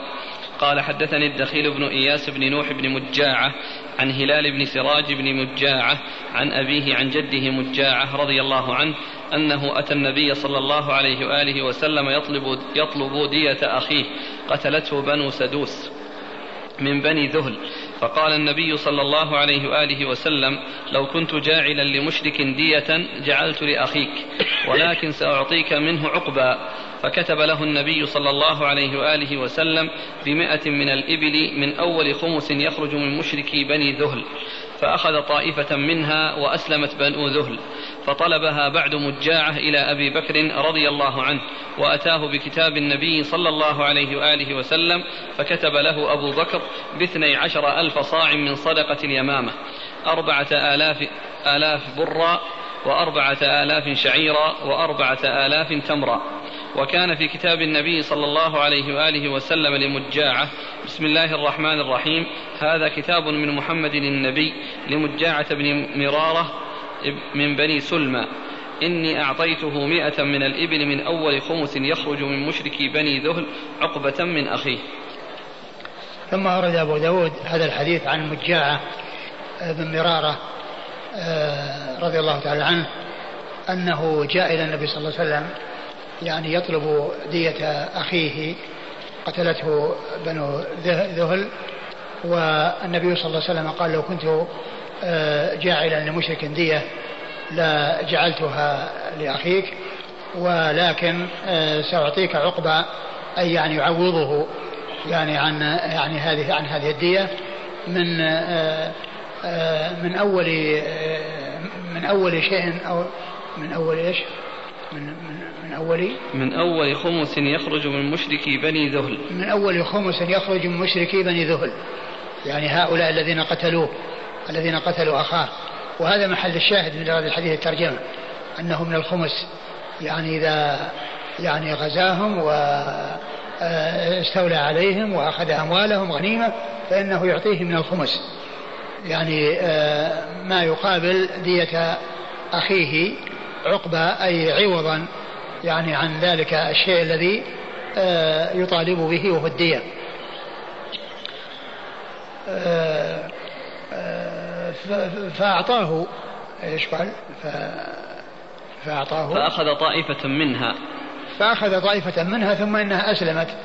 يعني تلك القبيلة التي آه، وعد بأن يعطى من خمسها فجاء إلى أبي بكر رضي الله عنه بعد وفاة النبي صلى الله عليه وسلم فأعطاه اثني عشر صاعا من اثني عشر ألف. اثني عشر ألف اثني عشر ألف صاع. نعم من صدقة اليمامة. من صدقة اليمامة.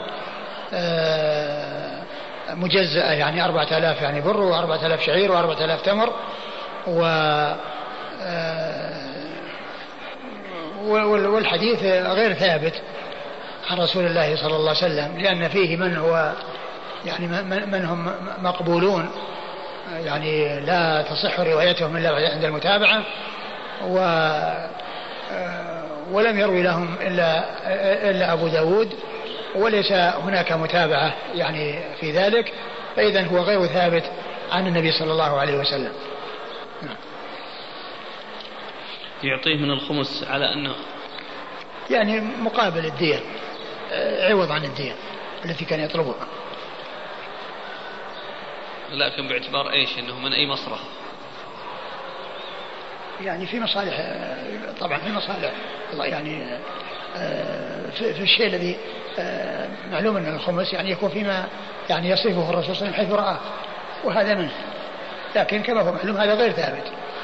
وهو سيعطيه ليس دية. ها؟ لا يعطيه دية. نعم لا يعطي دية ولكن يعطيه تعويض. لو كنت جاعلا لمشرك دية جعلت لأخيك نعم. ولكن سأعطيك منه عقبا. عقبا يعني عوض.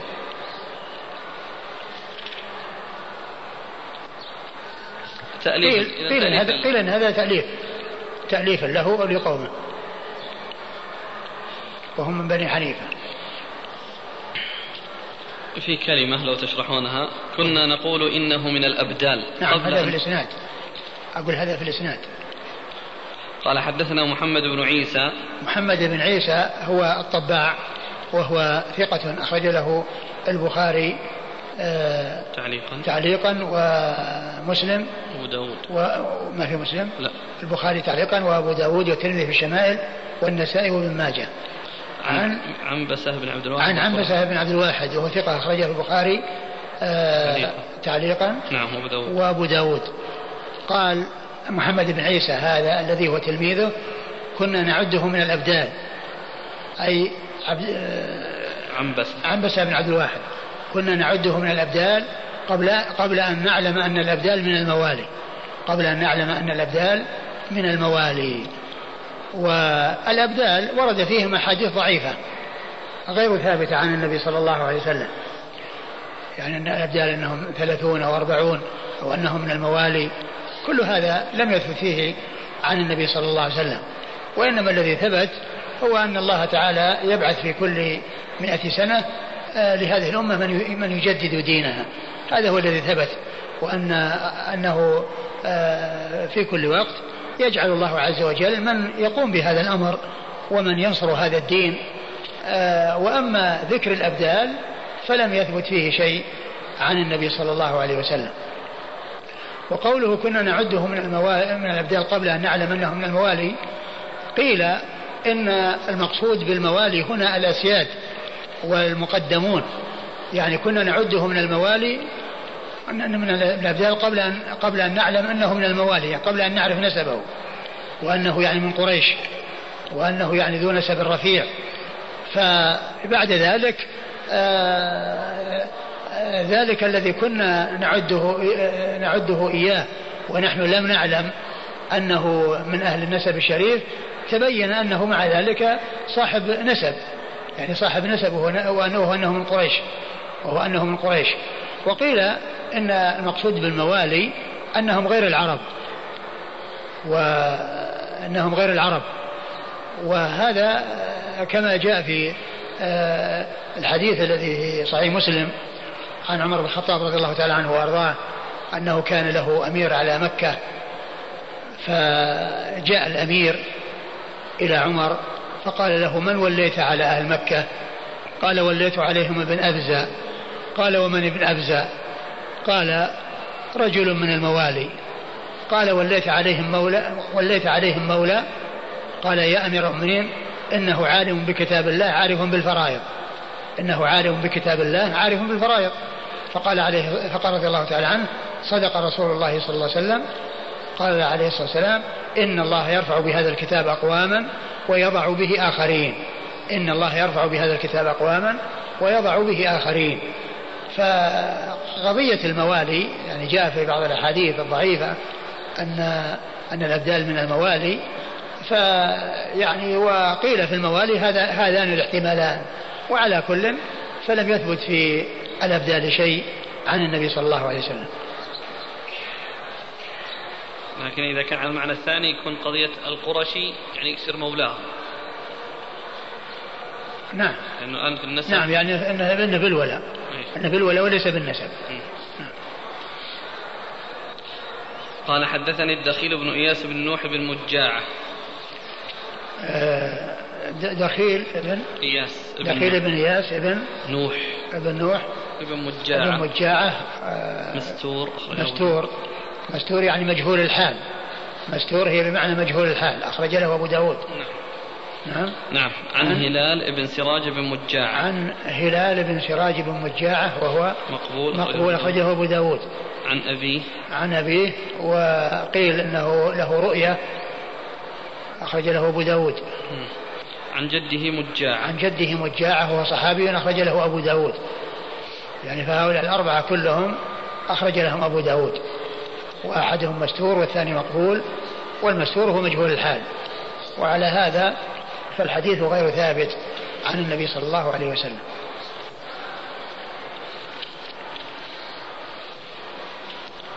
قال رحمه الله تعالى باب ما جاء في سهم الصفي.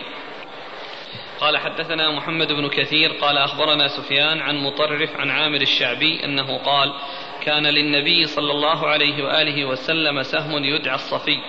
إن شاء عبدا وإن شاء أمة وإن شاء فرسا يختاره قبل الخمس. ثم أورد أبو داود رحمه الله حديث رجل باب في سهم الصفي. والمقصود بسهم الصفي أنه شيء للنبي صلى الله عليه وسلم يختص به يأخذه من الغنيمة قبل أن تقسم إن شاء فرسا وإن شاء سيفا وإن شاء يعني عبدا أو أمة. آه هذا يقال له الصفي. يعني أن معناه أنه يصطفيه وهذا سبق أن مر ترجمة باب صفايا رسول الله صلى الله عليه وسلم من الأموال. صفايا رسول الله صلى الله عليه وسلم من الأموال. وهذا يتعلق ب وذاك يتعلق بالأراضي. الذي سبق أن مر في الترجمة يتعلق بالأشياء الثابتة. وأما هذا يعني يتعلق بالأشياء المنقولة. يعني هذا يتعلق بالأشياء المنقولة. يعني سهم من الصفي يعني معناه يختار إما عبد أو أمة أو آه، يعني سيف أو فرس أو ما إلى ذلك قبل قبل القسمة. هذا للرسول صلى الله عليه وسلم. وعلى هذا فالفرق بين الترجمتين أن تلك تتعلق بالأراضي والأشياء الثابتة وأما يعني هذه الترجمة فهي تتعلق بالأشياء المنقولة. أورد حديث؟ الأثر عن الشعبي. أثر أورد أثرا عن الشعبي عامر بن شراحيل الشعبي. قال كان كان للنبي صلى الله عليه وسلم سهم يدعى الصفي. إن شاء عبدا وإن شاء أمة وإن شاء فرسا يختاره قبل الخمس. كان للرسول صلى الله عليه وسلم آه، سهم يدعى الصفي يعني يسمى الصفي. إن شاء عبدا وإن شاء فرسا وإن شاء سيفا آه، يكون يختاره قبل الخمس. يختاره قبل الخمس. يختاره قبل الخمس يعني من رأس المال من من من, من, من, من أصل الغنيمة. ثم بعد ذلك تخمس الغنيمة. وهذا يعني هذا مرسل لأن عامر الشعبي من التابعين وكونه يخبر بشيء قد حصل لرسول الله صلى الله عليه وسلم يعني هذا يعتبر مرسلا فهو يعني غير متصل يعني منقطع والمرسل غير حجة غير ثابت لأن يحتمل أن يكون الساقط صحابيا وأن يكون تابعيا ويحتمل أن يكون وعلى فرض أنه تابعي يحتمل أن يكون ضعيفا وأن يكون ثقة. فاحتمال كونه يعني تابعي وأن يكون ضعيفا هذا هو الذي السبب في رد المرسل.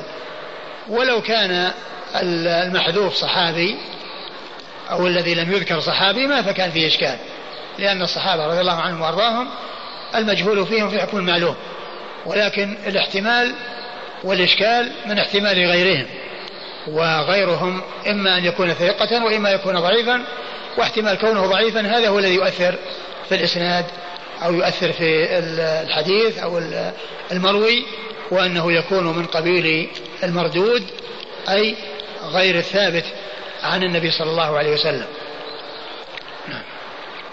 قال حدثنا محمد بن كثير. محمد بن كثير العبدي ثقة أخرجه أصحاب كتب الستة. عن سفيان. عن سفيان هو الثوري سفيان بن سعيد المسروق الثوري ثقة أخرجه أصحاب كتب الستة. عن مطرف. عن مطرف آه، ابن طريف وهو ثقة أخرجه أصحاب كتب الستة. عن عامر الشعبي. عن عامر بن شراحيل الشعبي وهو ثقة أخرج له أصحاب كتب الستة.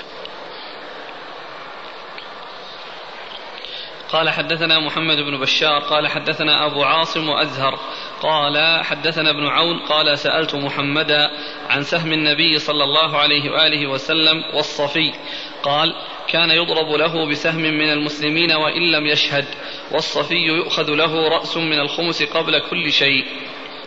ثم أورد هذا الأثر عن محمد بن سيرين وهو يعني قريبا من أثر عامر بن شراحيل. قال إيش؟ قال يقول ابن عون سألت محمدا عن سهم النبي صلى الله عليه وآله وسلم والصفي. قال كان يضرب له بسهم من المسلمين وإن لم يشهد. كان يضرب له بسهم من المسلمين وإن لم يشهد وإن لم يشهد الغزوة. وذلك لأن الله عز وجل يقول أن ما غنمتم من شيء فأن الله خمسه وللرسول فإن في شيء للرسول يعني شهد أو لم يشهد وكذلك ذوي القربى لهم شهدوا ولم يشهدوا. ذوي القربى لهم يعني شهدوا ولم يشهدوا. نعم. والصفي يؤخذ له رأس من الخمس قبل كل شيء. والصفي يؤخذ له رأس من الخمس قبل كل شيء. يعني هذا فيه إشارة أنه يؤخذ من الخمس وأنه ليس من أصل الغنيمة. نعم. قال حدثنا محمد بن بشار. محمد بن بشار هو الملقب بن دار وهو ثقة أخرجه أصحاب الكتب الستة وهو شيخ لأصحاب الكتب الستة. وهو من آه، يعني من صغار شيوخ البخاري الذين روى عنهم البخاري وهم من صغار شيوخه وكانت آه، وكان وكانت وفاته قبل وفاة البخاري بأربع سنوات. لأن البخاري توفي سنة 256 ومحمد بن بشار توفي 252 ومثله يعني في الوفاة في هذه السنة وكونه من شيوخ البخاري من شيوخ أصحاب الكتب الستة محمد بن المثنى. وكذلك يعقوب بن إبراهيم الدورقي. فإن هؤلاء الثلاثة من شيوخ أصحاب الكتب الستة وماتوا في سنة واحدة وهي سنة 252 عن أبي عاصم. عن أبي عاصم هو الضحاك بن مخلد النبيل ثقة أخرج له أصحاب كتب الستة. وأزهر. وأزهر ابن سعد السمان وهو ثقة أخرج أصحاب الكتب إلا ابن ماجه. ثقة أخرج أصحاب كتب الستة إلا ابن ماجه. عن ابن عون. عن ابن عون وهو عبد الله بن عون. عبد الله بن عون ثقة أخرجه أصحاب كتب الستة. عن محمد. عن محمد بن سيرين وهو ثقة أخرجه أصحاب كتب الستة. قال حدثنا محمود بن خالد السلمي. قال حدثنا عمر يعني ابن عبد الواحد ابن عبد الواحد. وهذا مثل الأثر الذي قبله. يعني الإسناد صحيح إلى إلى عامر وإلى محمد بن سيرين ولكنه كل منهما مرسل. نعم. قال حدثنا محمود بن خالد السلمي قال حدثنا عمر يعني بن عبد الواحد عن سعيد يعني بن بشير عن قتادة قال كان رسول الله صلى الله عليه وآله وسلم إذا غزا كان له سهم صاف يأخذه من حيث شاء فكانت صفية رضي الله عنها من ذلك السهم وكان إذا لم يغزو بنفسه ضرب له بسهمه ولم يخير.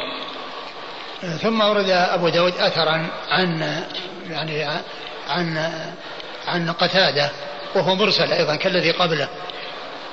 إلا أنه آه، الإسناد إليه آه، فيه من هو ضعيف.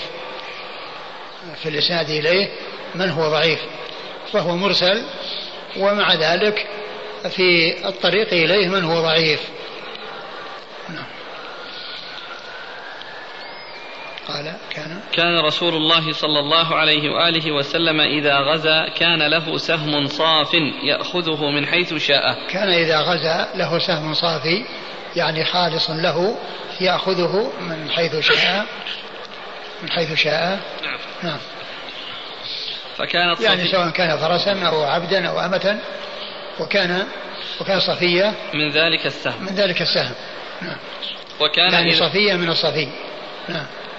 وكان إذا لم يغزو بنفسه ضرب له بسهمه ولم يخير. وإذا وكان إذا إذا لم يغزو بنفسه ضرب له بسهمه ولم يخير يعني معناه أنه أنه يعني هذا الصفي يأخذه إذا حضر.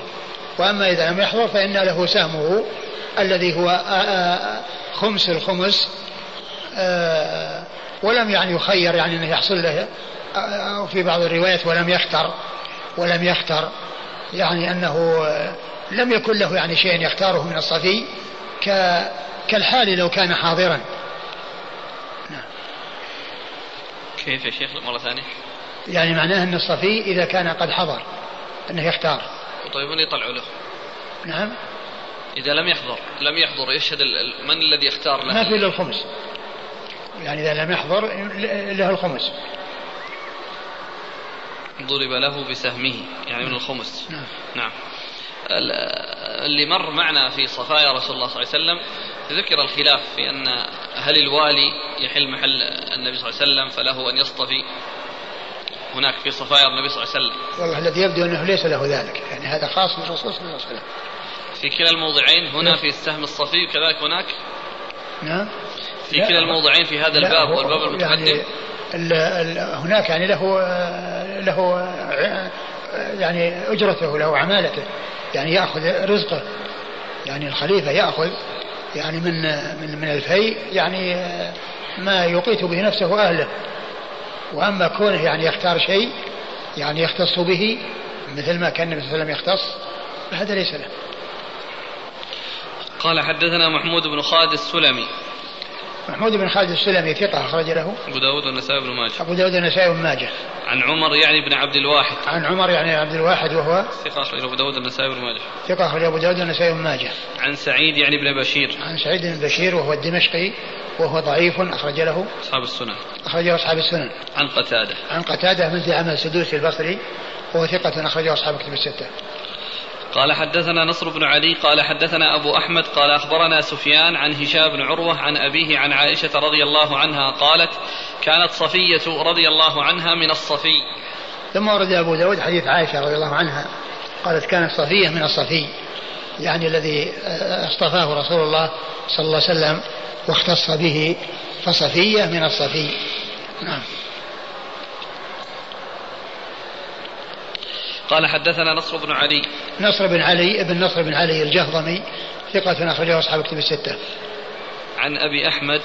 عن أبي أحمد وهو محمد بن عبد الله بن الزبير الزبيري وهو ثقة أخرج له أصحاب الكتب. أخرجه أصحاب الكتب الستة. قال الحافظ.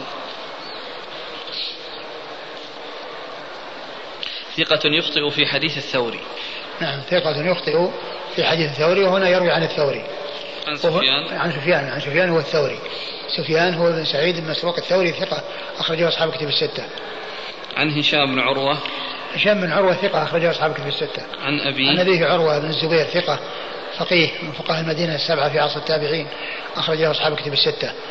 عن عائشة. عن عائشة أم المؤمنين رضي الله عنها وأرضاها الصديقة بنت الصديق وهي واحدة من سبعة أشخاص عرفوا بكثرة الحديث عن النبي صلى الله عليه وسلم.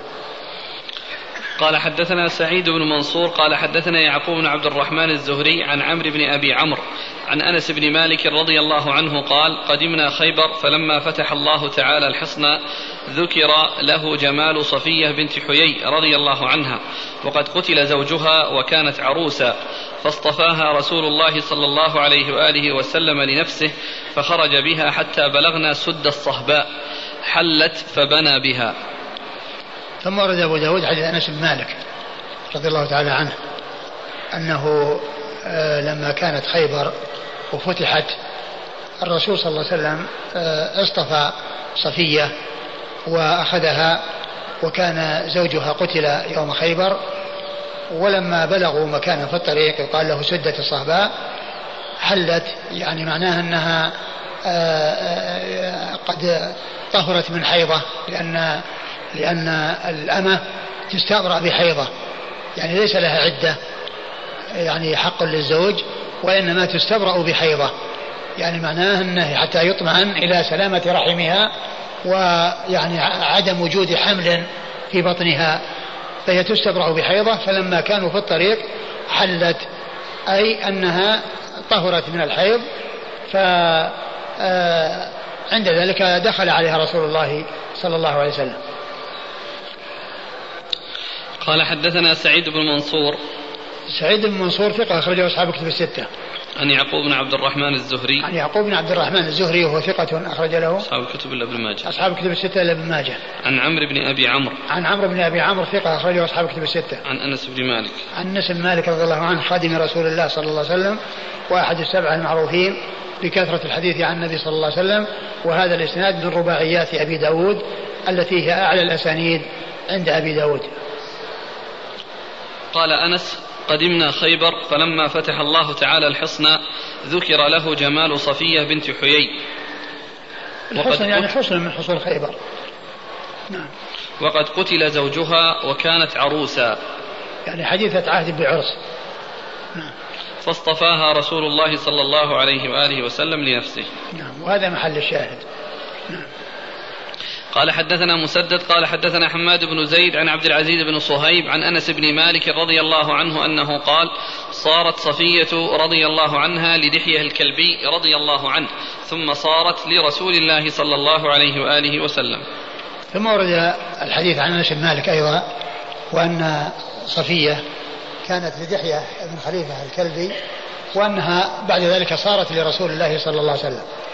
وذلك أن دحية طلب يعني آه، أمة آه، فأمره أن يأخذ آه، يأخذ واحدة فاختار صفية فبلغ النبي صلى الله عليه وسلم يعني عنها وأنها يعني لا تصلح إلا له. فقال لدحية أن يأخذ غيرها يعني يتركها ويأخذ غيرها فاصطفاها رسول الله صلى الله عليه وسلم لنفسه. وصارت وصارت من أمهات المؤمنين حيث أعتقها وجعل عتقها صدقها وصارت أما من أمهات المؤمنين رضي الله عنها وأرضاها. قال حدثنا مسدد مسدد بن مسرهد البصري ثقة أخرجه البخاري وأبو داود والترمذي في الشمال وأبو داود والترمذي والنسائي عن حماد بن زيد. عن حماد بن زيد ثقة أخرجه أصحاب كتب الستة. عن عبد العزيز بن صهيب. عن عبد العزيز بن صهيب ثقة أخرجه أصحاب كتب الستة. عن أنس بن مالك. عن أنس بن مالك رضي الله عنه وقد مر ذكره هذا أيضا إسناد رباعي.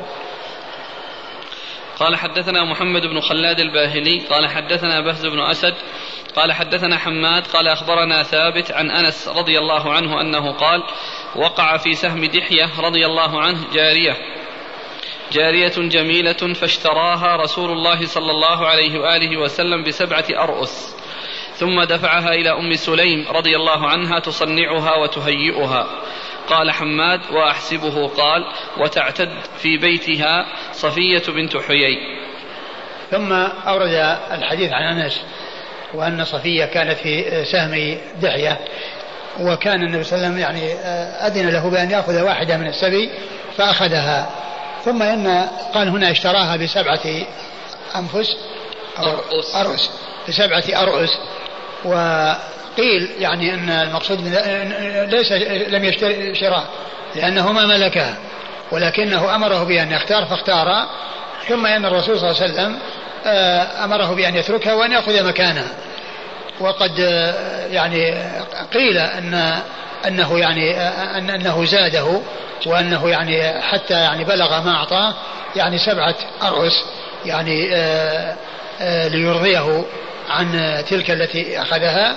وليس معنى ذلك أنه ملكها ثم اشتراها منه وإنما أمره بأن يتركها وعوضه مكانها ولكنه زاده على يعني المقدار الذي قد حصل له من قبل وهو الواحدة. نعم. ثم ثم قال؟ ثم دفعها إلى أم سليم تصنعها وتهيئها. ثم دفعها إلى أم سليم وهي أم أنس. يعني تهيئها وتجعلها آه، يعني معدة لدخوله عليها صلى الله عليه وسلم وتعتد في بيتها. يعني المقصود به الخبا لأنهم يعني كانوا مسافرين وإنما تكون معها وتكون مرافقة لها. وتكون معها في خبائها يعني حتى تطهر من الحيض الذي هو آه، استبراء للرحم وليس عدة لأن لأنه لا عدة للمرأة من من زوجها الكافر يعني لا تعتد وليس يعني عليها عدة وإنما تستبرأ بحيضة يعني حتى يطمئن إلى أن رحمها بريء وهذا شأن الإيماء شأن شأن الإيماء إذا إذا سبين فإنهن يستبرأن بحيضة ولا علاقة لأزواجهن بهن سواء كن أحياء أو أموات. يعني سواء كانوا قد يعني كانوا أحياء أو أموات. والله عز وجل يقول والمحصنات من النساء إلا ما ملكت أيمانكم. يعني